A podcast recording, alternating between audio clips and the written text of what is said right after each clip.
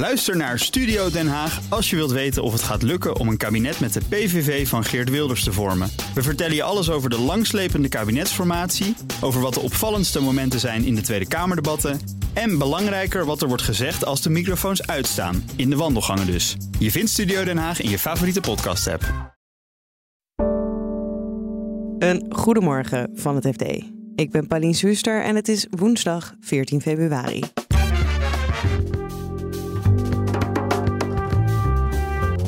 Shell en Exxon komen er niet uit met de Nederlandse staat over de afwikkeling van de gaswinning in Groningen. En wie nou welk deel van de flinke rekening moet betalen. Alles bij elkaar gaat het over heel veel miljarden. En Schiphol voert steeds meer zijn eigen koers. En gaat in tegen KLM. Het was altijd twee handen op één buik. Uh, maar met de komst van een nieuwe CEO, Ruud Zondag, is, uh, is die relatie toch een stuk afgekoeld. Dit is de dagkoers van het FD. Voordat we beginnen, eerst even dit. Wil je onze verhalen niet alleen luisteren, maar ook lezen? Probeer dan het FD vier weken voor slechts 1 euro.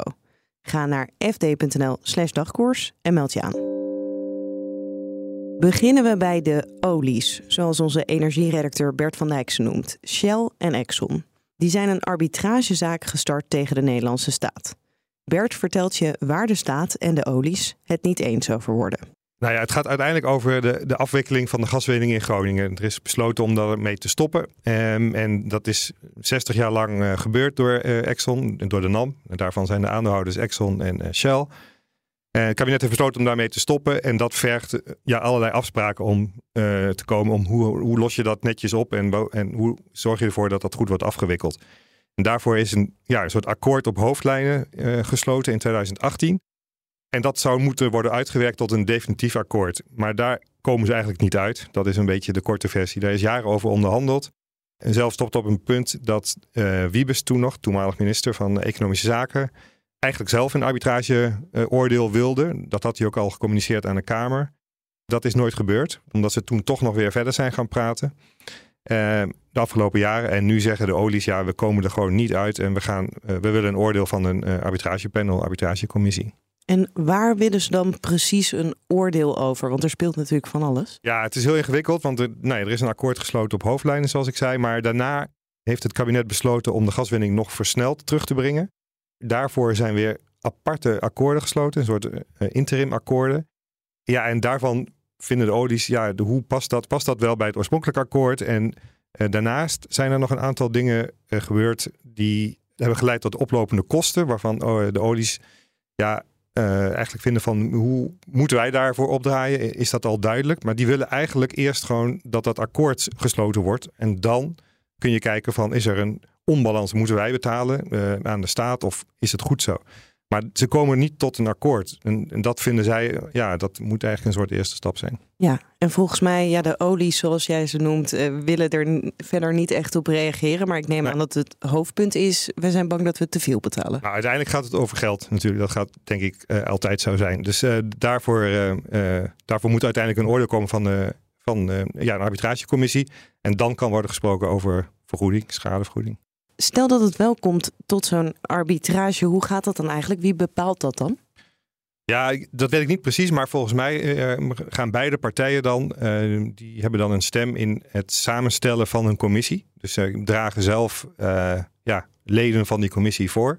En daar moet uiteindelijk overeenstemming over komen. En dan gaat die commissie aan het werk en kijkt naar alle stukken. En nou ja, die komt uiteindelijk tot een oordeel. Maar dat, dat is een samenspraak. Volgens mij mogen ze allebei, alle partijen mogen dan kandidaten aanleveren. En die dan wel of niet goed worden bevonden. Maar uiteindelijk moet er een soort consensus zijn over wie, daar, uh, wie daarin gaat zitten. En wat kunnen de consequenties zijn? Hoeveel kan het ons, de staat, gaan kosten? Ja, dat is heel moeilijk te zeggen natuurlijk. Maar alles bij elkaar gaat het over heel veel miljarden. Dus de, de, ja, de, de bedragen gaan van. Kijk, Veldbrief heeft in de Kamer op een gegeven moment ook gesproken over een ereschuld aan Groningen. Dat was alleen al 8,5 miljard. Ja, gaat de staat dat betalen? Gaat de, de NAM moet hij dat betalen? Daar is totale onduidelijkheid over. Uh, en dat is maar één aspect. Dus het gaat over heel, heel veel miljarden. Dus ja, en die moeten op een of andere manier betaald worden, verdeeld worden. En ja, dat is uh, volstrekt onduidelijk.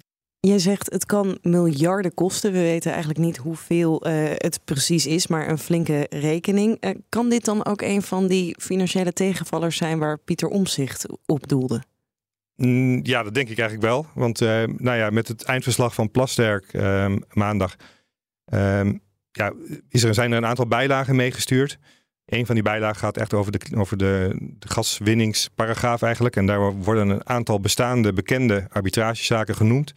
Maar daarbovenaan staat precies in dat rijtje eh, één linea die is zwart gelakt. Althans, één woordje. En dat lijkt, alles wijst erop dat dat de arbitrageprocedure is waar dit over gaat. En dan Schiphol. Die voert steeds meer zijn eigen koers ten opzichte van de rest van de luchtvaartsector. Je hoort luchtvaartredacteur Jan Verbeek. Een eerste punt is de een nachtsluiting van, uh, van Schiphol. Um, een, ander punt is dat het kabinet is nog steeds van plan om de luchthaven te laten krimpen. Dat stuit op veel verzet van de luchtvaartmaatschappijen. Schiphol zegt ervan, daar zijn we eigenlijk best voorstander van als dat met mate gebeurt. Dan zijn er nog twee andere voorstellen die Schiphol recent gedaan heeft. Eentje is om een vliegbelasting in, extra vliegbelasting in te voeren voor verre vluchten. En een laatste punt is ook nog dat ze de business class passagiers um, extra willen laten betalen vanwege de milieulasten die hun gedrag met zich meebrengt. Dus een pittig pakket. Uh. En wat motiveert Schiphol om zo af te wijken van de rest van de luchtvaartsector? Schiphol zegt van uh, we moeten echt meer oog hebben voor de omgeving van, van de luchthaven. We moeten ook meer oog hebben op de klimaatdoelen die we als luchtvaartsector hebben. En dat betekent dus dat we beter nu een aantal maatregelen kunnen nemen die hard voelen, die, die hard aankomen, maar die op den duur, op, in de toekomst, uh, de positie van de luchthaven wel zullen versterken. Dus meer rekening houden met de omgeving, minder geluidsoverlast, minder, zeker minder in de, in de nachtelijke uren. En daarmee botsen ze nogal met eh, de rest van de sector, die eigenlijk veel behoudender op dat punt is. Want wat vindt KLM, een groot verbruiker toch van Schiphol, uh, van deze plannen? KLM liet mij weten in een reactie dat ze. Uh, het ging dan met name om die luchtvaartbelasting voor verre vluchten. Ze zeiden van wij zijn voorstander van alle initiatieven die uh, leiden tot een vermindering van de, de, de CO2-uitstoot. Als dat maar in internationaal verband gebeurt. Nou, dat laatste is wel een belangrijk punt, want de voorstellen die Schiphol heeft, daarvan zegt Schiphol eigenlijk, die moeten we gewoon op nationale schaal invoeren. En eigenlijk moeten we er niet gaan wachten op wat er internationaal gebeurt of wat er al internationaal gebeurd is. Dus nou, daar zit wel enige verschil van inzicht in. Eh. Maar ze maken nog geen ruzie uh, met Schiphol? Ze maken nog geen ruzie, nee, nee. Je kunt wel constateren dat de verhouding tussen Schiphol en KLM de afgelopen jaren verslechterd is. Het was, in mijn woorden, het was altijd twee handen op één buik. Uh, maar met de komst van een nieuwe CEO, Ruud Zondag, is, uh, is die relatie toch een stuk afgekoeld. En is Schiphol een eigen beleid gaan voeren op het punt van verduurzaming en rekening houden met de omgeving. Een opmerkelijke verandering. Nou komt er in juni weer een nieuwe CEO, Pieter van Oort. Um, denk je dat die plannen en de koers van zondag wordt doorgezet? We hebben nog niet gehoord wat de plannen van Van Oort zijn, maar je mag ervan uitgaan dat de Raad van Commissarissen van de Schipholgroep het beleid wat door zondag in gang is gezet, ook de komende jaren zal willen doorzetten. Het lijkt me heel sterk dat er een soort trendbreuk komt. Dat ze het laten afhangen van de persoon die, die de onderneming leidt. Dus ik ga er maar vanuit dat dit beleid waar we het nu over hebben, dat het gewoon de komende jaren wordt doorgezet. En vrijdag komen ook de jaarcijfers van uh, Schiphol. Wat kunnen we daarvan verwachten? Over de eerste zes maanden heeft Schiphol een, eh, een, kleine winst geboekt. De omzet was, zat flink in de lift. Ik denk dat die lijn zich ook in de tweede halfjaar uh, heeft voortgezet. We zullen het vrijdag horen als de cijfers komen. Dat betekent dat Schiphol zich uiteindelijk goed hersteld heeft van de jaren van de coronapandemie. Uh, en ook de hele discussies over de, de krimp. Um, het, Schiphol is in een wat rustiger vaarwater gekomen. En dat ziet er financieel gezien ook weer wat, wat beter uit.